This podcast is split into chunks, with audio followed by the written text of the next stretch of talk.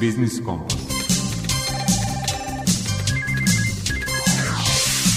Biznis Kompas.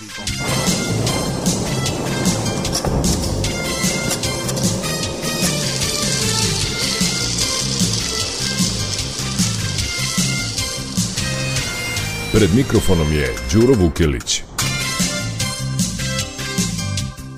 Dobar dan, poštovani slušalci. Zahuktava se maj mesec, sa njime i ekonomske aktivnosti. U rubrici Aktualno osvrnut ćemo se kroz razgovor s urednikom časopisa makroekonomske analize i trendovi Ivanom Nikolićem na ekonomska kretanja u Srbiji od početka godine. Poseban naglasak stavit ćemo na poređenje marta sa istim mesecom lane i na utice rata u Ukrajini na naše makroekonomske pokazatelje.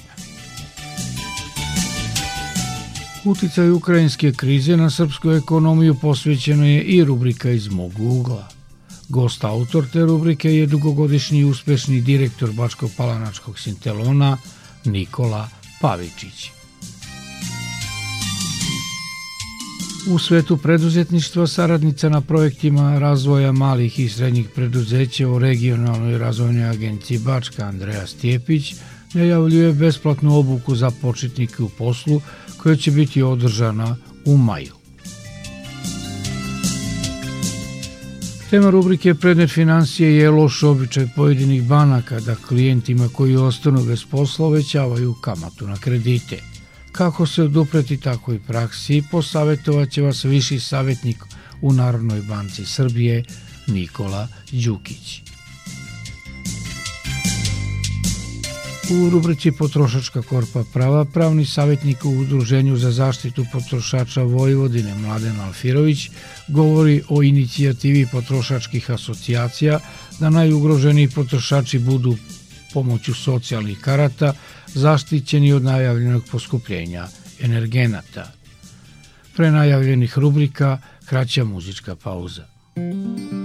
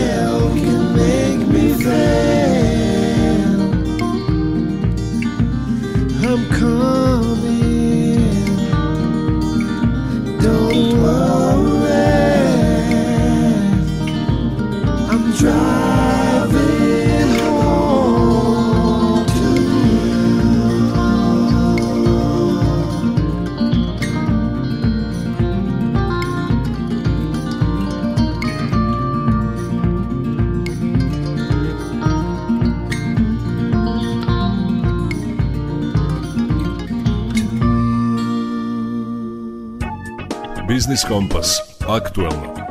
Mart je prvi puni mesec u kojem su se mogle očekivati posledice ukrajinske krize na proizvodnju i spoljnotrgovinski bilans Srbije. Statistika je međutim zabeležila rast prerađivačke industrije za zavidnih 9,9%. Uprkos poskupljenju uvoznih energenata, u martu je povećana i pokrivenost uvoza izvozom. Za komentar privrednih kretanja u martu zamolili smo urednika časopisa makroekonomske analize i trendovi Ivana Nikolića. Iznenađujuće, ali pozitivno naravno. Očigledno podaci potvrđuju otpornost i žilovost naše ekonomije na eksterne udare po drugi put u poslednjih dve godine. E, naravno, posle pandemije i neposredno nakon eskalacije pandemije tamo u proleće 2020. Bojali smo se da ćemo vrlo brzo urušiti onu makroekonomsku stabilnost i tu povoljnu dinamiku. Podaci su nas razuverili stanje, naravno u sve one mere podrške koje su sledile i ekonomiji građanima. Nekako se čini da se scenario ponovio sada u martu. Zaista smo se pribojavali negativnih efekata krize u Ukrajini i rata kao i između ostalog i ceo svet i Evropa pre svega. E, bojali smo se i za naravno nabavku energenata, kakav će biti efekat prelivanja preko visokih cena i naravno povratni efekat ukupno posmatrano na privrednu aktivnost. Ali kao što ste rekli, podaci za mart su nas razuverili i pokazali da je stanje jako dobro Ako posmatramo tri meseca ove godine u odnosu na prva tri meseca prošle, prema flash proceni Republičkog zavoda za statistiku rast privredne aktivnosti, realni rast iznosi 4,3%. Ako posmatramo mart na mart samo, on je čak 5,3%. Vidite da je i ubrzan. Zaista dobro rast izvoz, naravno zbog ovih visokih cena, pre svega energenata, rast izvoza je još brži. Ako posmatramo u apsolutnom iznosu, dakle ukupnu vrednost razmene s inostranstvom, ona je rekordna u ovom trenutku i nikada zabelažena u našoj istoriji. Međutim, zbog ovih visokih cena energije šire se spoljno-trgovinski deficit kao i između ostalog u Evropi e, i u svetu pa tako recimo deficit u robnoj razmeni je za tri meseca veći 1,5 milijardi evra u odnosu na isti period prošle godine, ali od tih 1,5 milijardi 900 miliona se tiče većeg uvoza nafte i gasa u odnosu na neko uobičajeno stanje. Opet, to je jednim delom ili najvećim delom svakako posledica visokih cena. Imali smo svakako interventni uvoz uvozili smo više nego što nam je u tom trenutku trebalo kako bismo dopunili ove rezerve koje imamo i na neki način se kratkoročno obezbedili od mogućih poremeća u sndevanju.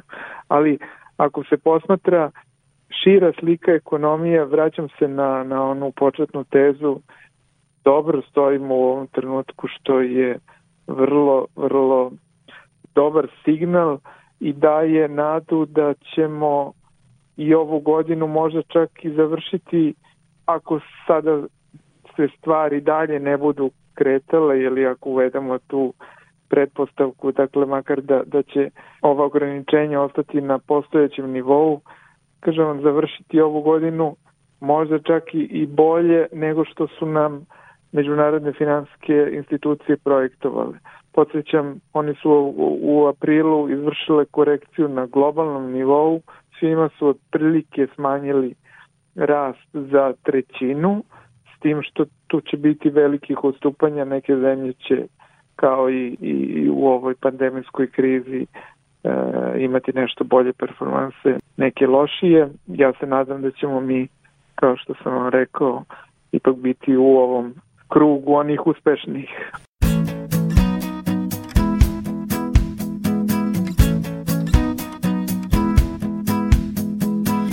Will come and winds will go, and the seasons always change.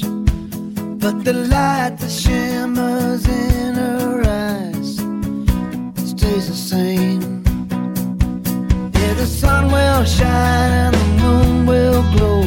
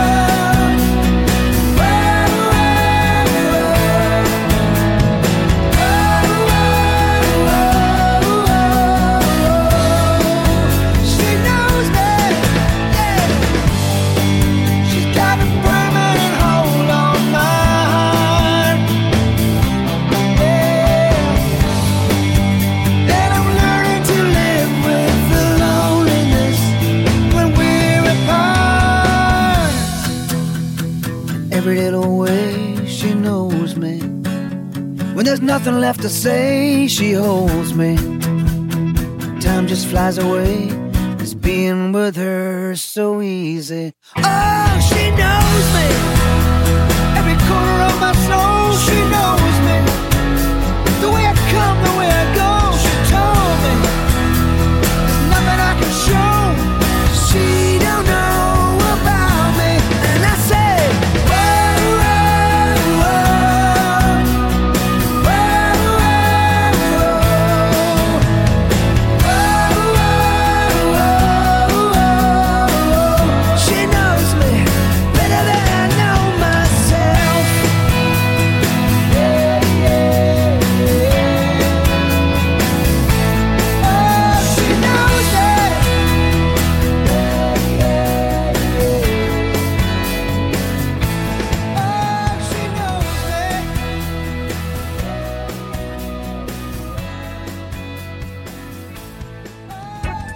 Biznis Kompas iz mog ugla.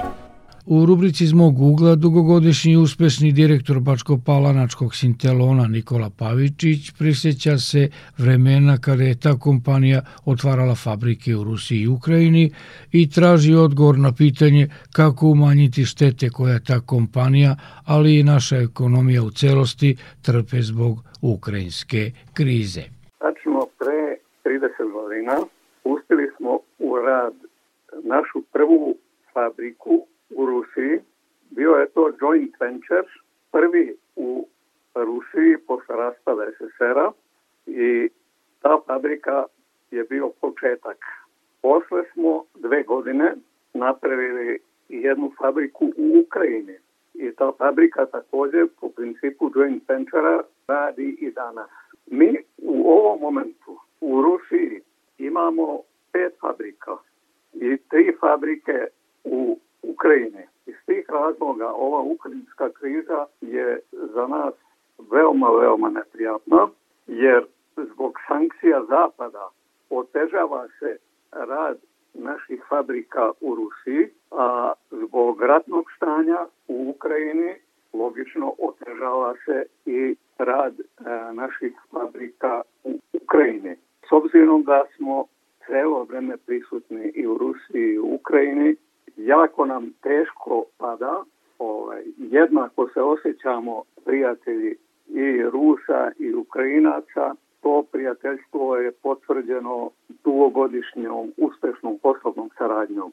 Pet fabrika u Bačkoj Palanci, pet fabrika u Rusiji, tri fabrike u Ukrajini danas čine jedan sistem ekonomski i to je najmoćniji evropski za proizvodnju podnih obloga. I to je sistem multinacionalna kompanija Target. Ona je nama partner 50% i taj moment da je francuska kompanija Target naš partner u tom biznisu otežava situaciju jer vlasti Evropske zajednice primoravaju i Francusku da preduzima sankcije prema Rusiji i mi iz te strane imamo sada neprijatnosti i probleme. Naš partner iz Francuske, porodica Bekonjak, je čvrsto rešena da se posao u Rusiji dalje razvija i u tom pogledu mi sa našim partnerom nemamo problema, ali imamo problema zbog mera država Evropske zajednice koje uporno insistiraju pa čak vrše i pritisak na Srbiju da zavede Rusiji sankcije. Taj zahtev da Srbija zavede sankcije Rusiji je govorim nepristrasno. To je ekonomski gledano jedna velika besmislica. Kakve sankcije Srbija možda zavede Rusiji? Naša saradnja, nažalost, sa Rusijom je minimalna. Šta od nas traže da, i, da Rusima da zabranjujemo nisu da radi? To, to je nemoguće se zabraniti. To nema nikakvog smisla i ja mislim da Zapad pravi jednu jako veliku grešku u tom pogledu. Jedno je politika, to rešava nekim drugim sredstvima diplomatskim, ali ekonomski gledano. Zapadna Evropa puca sama sebi u noge. Ona na ovaj način, zavodeći te sankcije Rusiji, praktično gura Rusiju u naručje Kine i naručje Indije. Dve brzo rastuće ekonomije dve već ekonomske sile Kina je dostigla GDP američki i ona se bori s Amerikom za primat i takođe dostigla je i tehnološki nivo Amerike. I ona je velika sila sa milijardu i pol skoro stanovnika.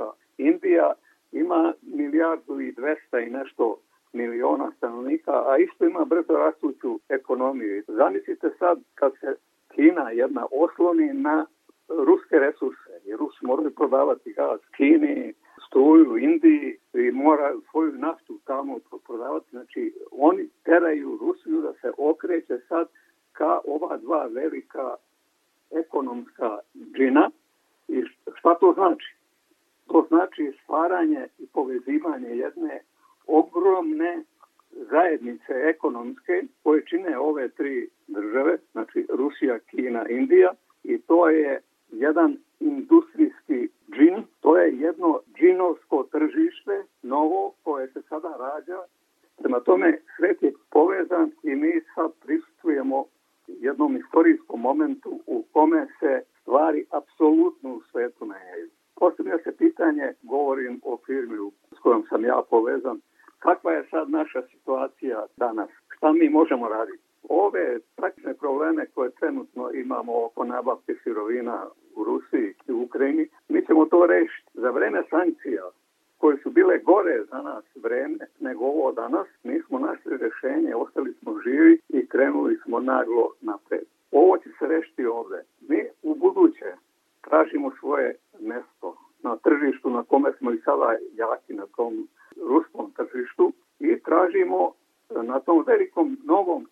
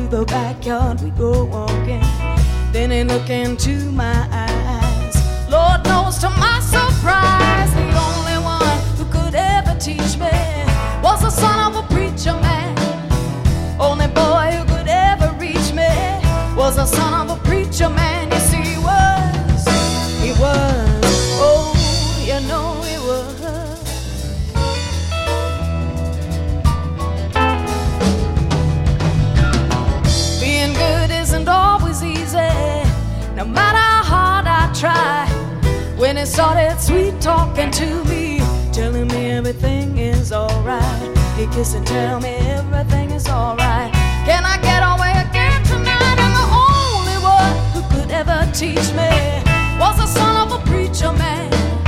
Only boy who could ever reach me was the son of a preacher man.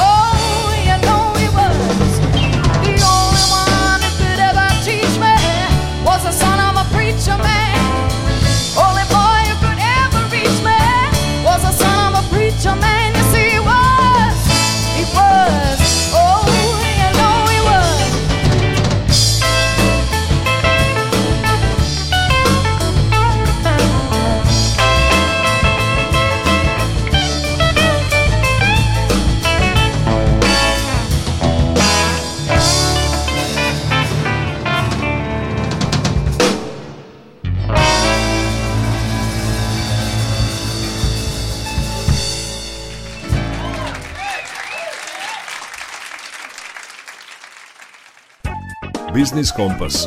Svet preduzetništva. Regionalna razvojna agencija Bačka će i ovog meseca organizovati besplatnu obuku za početnike u poslu. Svi polaznici koji uspešno završe tu obuku dobit će sertifikat i steći će uslove da se prijave za većinu konkursa za subvencionisanje preduzetništva. O uslovima za prijavu i temama obuke govori saradnica na projektima razvoja malih i srednjih preduzeća u Regionalnoj razvojnoj agenciji Bačka, Andreja Stijepić. Obuka će se održati 17. i 18. maja sa početkom u 10 časova oba dana. A svi koji su zainteresovani mogu da se prijave kako bi čuli o motivima i osobinama preduzetnika, zatim kako bi analizirali i vrednovali, naučili da vrednuju svoju poslovnu ideju, onda bi čuli, odnosno čuće o pravnom osnovu poslovanja, o registraciji privrednih subjekata, o postupku same registracije, kako, gde i na koji način oni registruju svoja privredna društva, odnosno preduzetničke radnje. Govorit će se o porezima i doprinosima i bit će posvećeno vreme izradi biznis plana. A, To je praktičan deo kroz koji se a, uči kako popuniti jedan kompletan biznis plan i aplicirati za sredstva koja državne institucije a, raspisuju i dodjeljuju kroz javne pozive. Obuka je namijenjena svim nezaposlenim licima, kao i fizičkim licima koja žele da dobiju više informacija o tome kako će pokrenuti posao i kako da nastave to svoje poslovanje.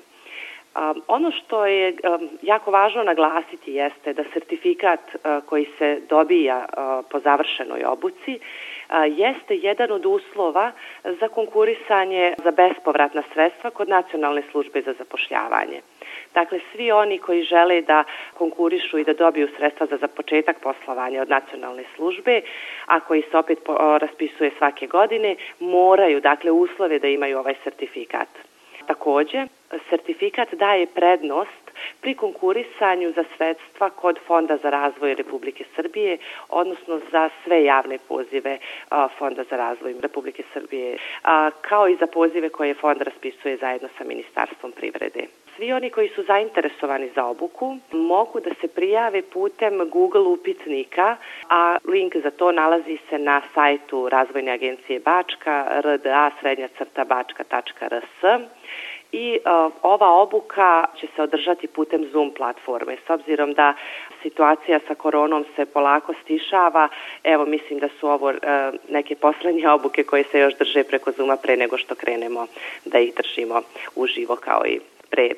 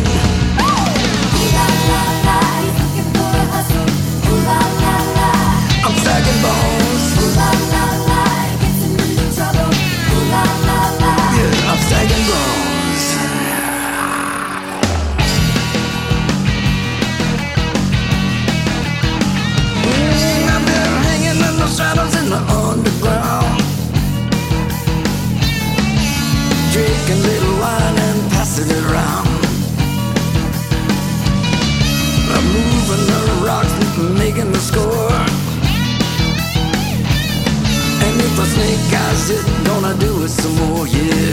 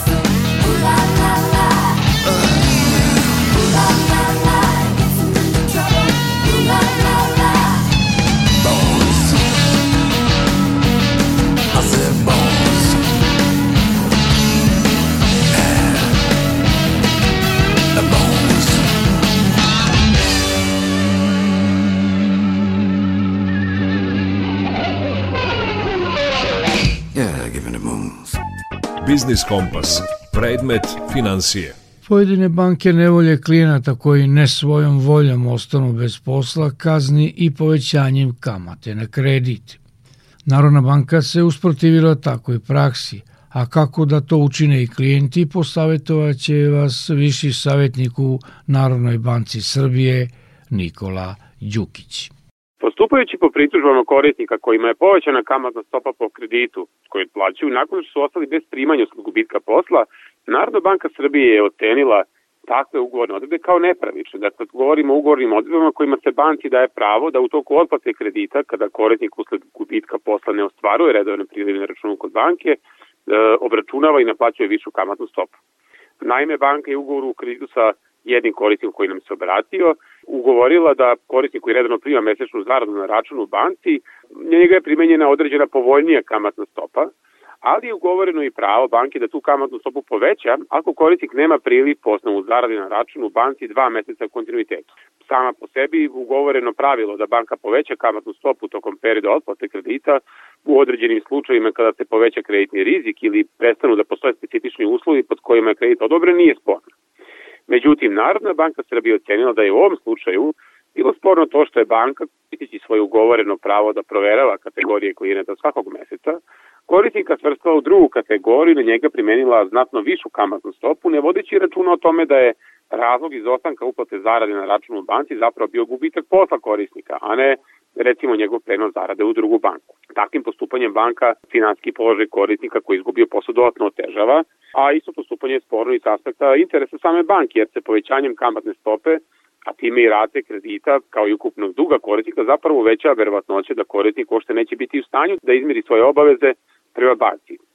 Zbog svega toga Narodna banka Srbije zabranila ugovaranje i primjenu ovih nepravičnih ugovornih odredaba koje se u konkretnom slučaju odnose na mogućnost gubitka posla i povećanja kamata svoje po kreditu. U svakom slučaju Savet Narodne banke Srbije da ukoliko se korist kredita desi da ostane bez posla u toku otplate, treba da o tome obaviti banku kako bi eventualno dogovorili dalji model otplate obaveza po kreditu. Takođe, rizik od gubitka posla, e, pošto direktno pogađa i korisnika kredita i banku sa kojom je on zasno ugovorni odnos, doveo i do pojave novog finanskog proizvoda u Srbiji, to je osiguranje od gubitka posla, i trenutno na našem tržištu ovo, ovo osiguranje nudi nekoliko društava zajedno dakle u dogovoru sa bankama. Ono ima dvostruku ulogu, dakle bankama služi kao dodatno sredstvo obezbeđenja, a sa druge strane ono štiti korisnika kredita kada od, od rizika kubitka posla, a samim tim i njegovih prihoda. U tom slučaju, dakle, banke imaju ugovor sa određenim društvom za osiguranje, tako da korisnik na jednom mestu zaključuje ugovor sa dve institucije, bankom od koje podiže kredit i osiguravajućim društvom kod koga dobije policu sa osiguranjem, i ti putem postignuto je smanjenje administrativnih troškova, ušteda vremena, a krediti koje su krajnje gubitka posla obezbeđuje su uglavnom gotovinski ili potrošački i podrazumevaju nešto kraći rok otplate. Dakle, jedan od načina da bi se potencijalni problem rešio jeste i da korisnici zaključe ugovor e, o osiguranju od gubitka posla kojim se određeni broj anuiteta isplaćuje e, za, na ime društva za osiguranje, a za račun banke. U svakom slučaju, naš savet je da treba brati posebnu pažnju na uslove ugovoru koji definišu nastanak osiranog slučaja kod ovih osiguranja.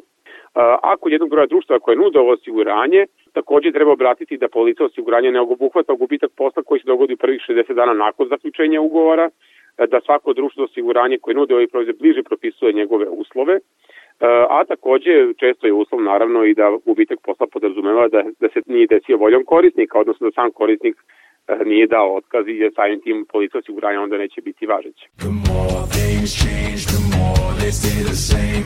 The more things change, the more they stay the same. Ah, is it just me or does anybody see the new improved tomorrow isn't what it used to be? Yesterday keeps coming round, it's just reality. It's the same damn song with a different melody. The market on crashing, tattered jeans are back in fashion. Instead of records, now it's MP3s. I tell you one more time with feeling, even though this world is reeling, you're still you and I'm still me. I didn't mean to cause a scene, but I guess it's time to roll up our sleeves. The more things change, the more they stay the same. The same sunrise is just another day. If you're hanging long enough, they say you're coming back. Just take a look, we're living proof, and baby, that's a fact. You know, the more things change, the more they stay the same. The more things change, the more they stay the same. You're either running around in circles or you're running out of time. Somewhere, either 12, 3, 6, or 9. The times they are a changing. We're here to turn the page. It's same old story, but it's told a different way. The more things change, the more they stay the same. The same sunrise is just another day. If you're hanging long enough, they say you're coming back. Just take a look, we're living proof, and baby, that's a fact. No more things change, the more they stay the same. Never and forever,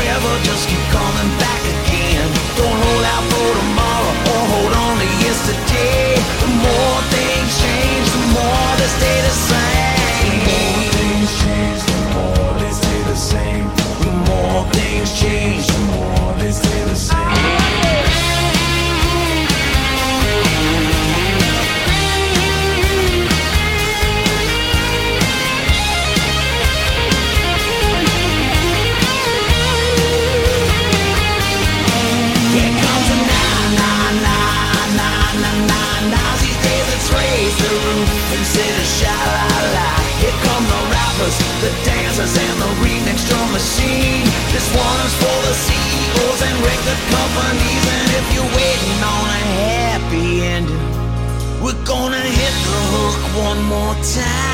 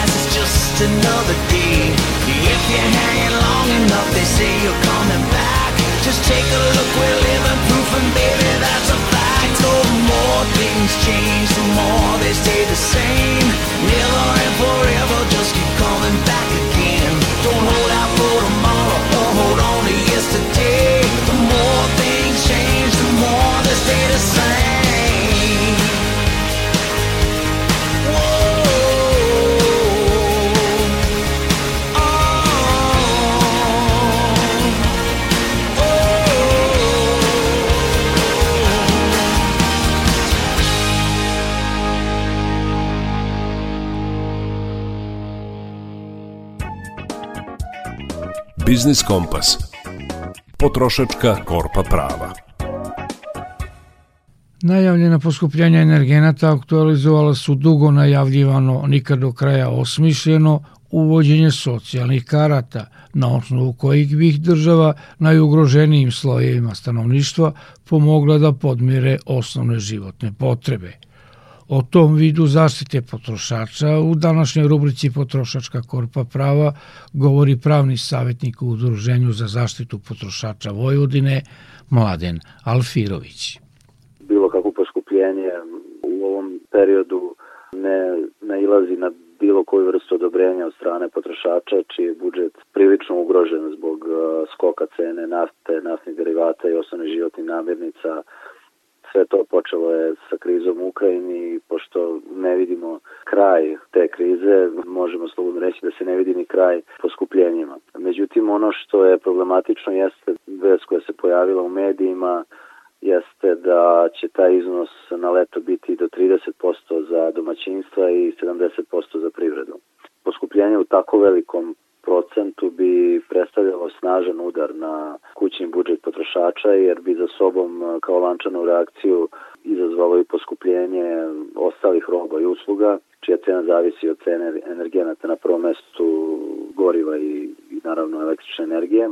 Neminovno je da struja treba da poskupi jer je ona u Srbiji 3 do 4 puta manja u odnosu na, na ostale zemlje i dalje predstavlja neku vrstu socijalne kategorije, međutim tako naglo poskupljenje u tom procentu je nedopustivo. Ono što je stav naše organizacije jeste da bi cena struje trebalo da prati stopu inflacije i da je realno negdje da ona poskupi do 10% najviše u tom nekom letnjem periodu kako bi potrošači mogli da se pripreme i kako bi lakše podneli taj novi teret i udarac na kućni budžet koji će svakako uslediti to poskupljenje za sobom svakako izazvati poskupljenje i ostalih roba i usluga, a najavljuje se i poskupljenje na ostalih energenata. Ono što godinama se nije uradilo, a moralo da se uradi i zašto se NOPS snažno zalaže, jeste usvajanje zakona o socijalnim kartama i revidiranje uredbu o energetski ugroženom kupcu. Jer zaista sad u ovakvoj situaciji kad je sve poskupelo za nekoliko čak i desetina procenata, konačno se moraju uvesti te socijalne karte i moraju se za ona domaćinstva koja su zaista ugrožena da se njima pomogne i da im se olakša da bukvalno prežive ovaj krizni period jer dosadašnji model po kom se ta pomoć neselektivno i svima pružala u istom procentu ne može dati dobre rezultate jer zaista se mora uraditi ta ozbiljna analiza i utvrditi koja domaćinstva su socijalno ugrožena i koja domaćinstva zaslužuju možda i neki veći procenat besplatnih kilovata, kubika gasa i ostalih energenata u zavisnosti od toga koji energent koriste. Tako da je to nešto za što ćemo se mi snažno zalagati u budućem periodu i neke najave od strane resorne ministarke energetike da će se ići na novu uredbu o energetski ugroženom kupcu smo čuli i to svakako podržavamo očekujemo da se iz najave pretvori i u nešto što, što će se zaista u praksi i e, realizovati. Kao, pored te uredbe o energetski ugroženom kupcu, za koju potrošači inače malo e, znaju, treba raditi na promociji, na, na informisanju ljudi na koji način oni mogu ostvariti pravo na besplatne kilovat e, sate električne energije i kubike gasa. Dakle, mora se stepen informisanosti potrošača u Srbiji e, povećati kako bi svi oni koji imaju to pravo po zakonu mogli i da ga ostvare, a pored te uredbe o energetski ugroženom kupcu, ono što sam rekao na početku jeste i zakon o socijalnim kartama da bi se konačno utvrdilo koja domaćinstva su socijalno ugrožena, koliko one imaju članova, koliki su prihodi domaćinstava i da se konačno stekne prava slika i uvid ko sa kolikim sredstvima raspolaže i da se na osnovu te podrobne analize i tog zakonskog akta dalje donose mere vezano za poskupljenja samo za određene kategorije.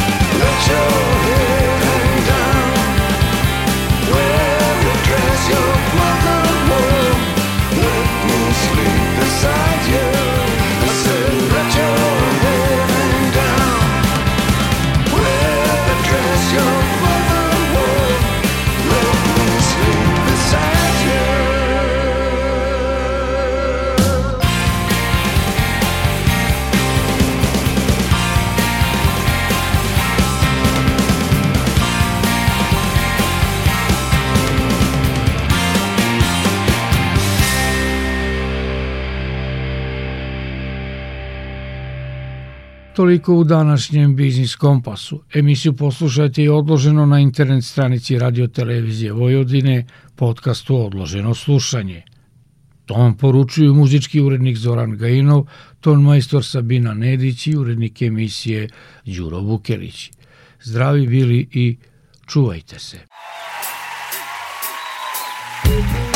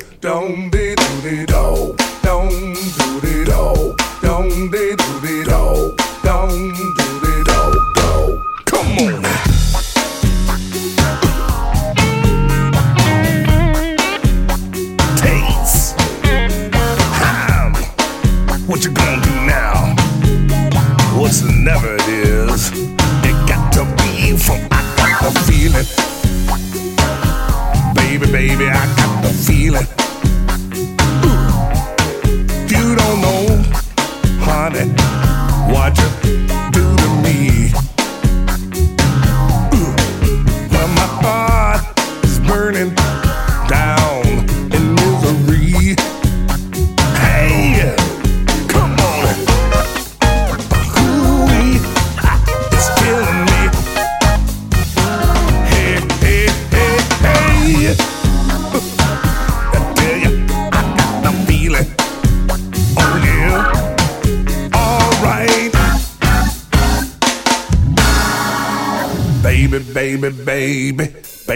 baby, baby, baby, baby, baby, baby, baby.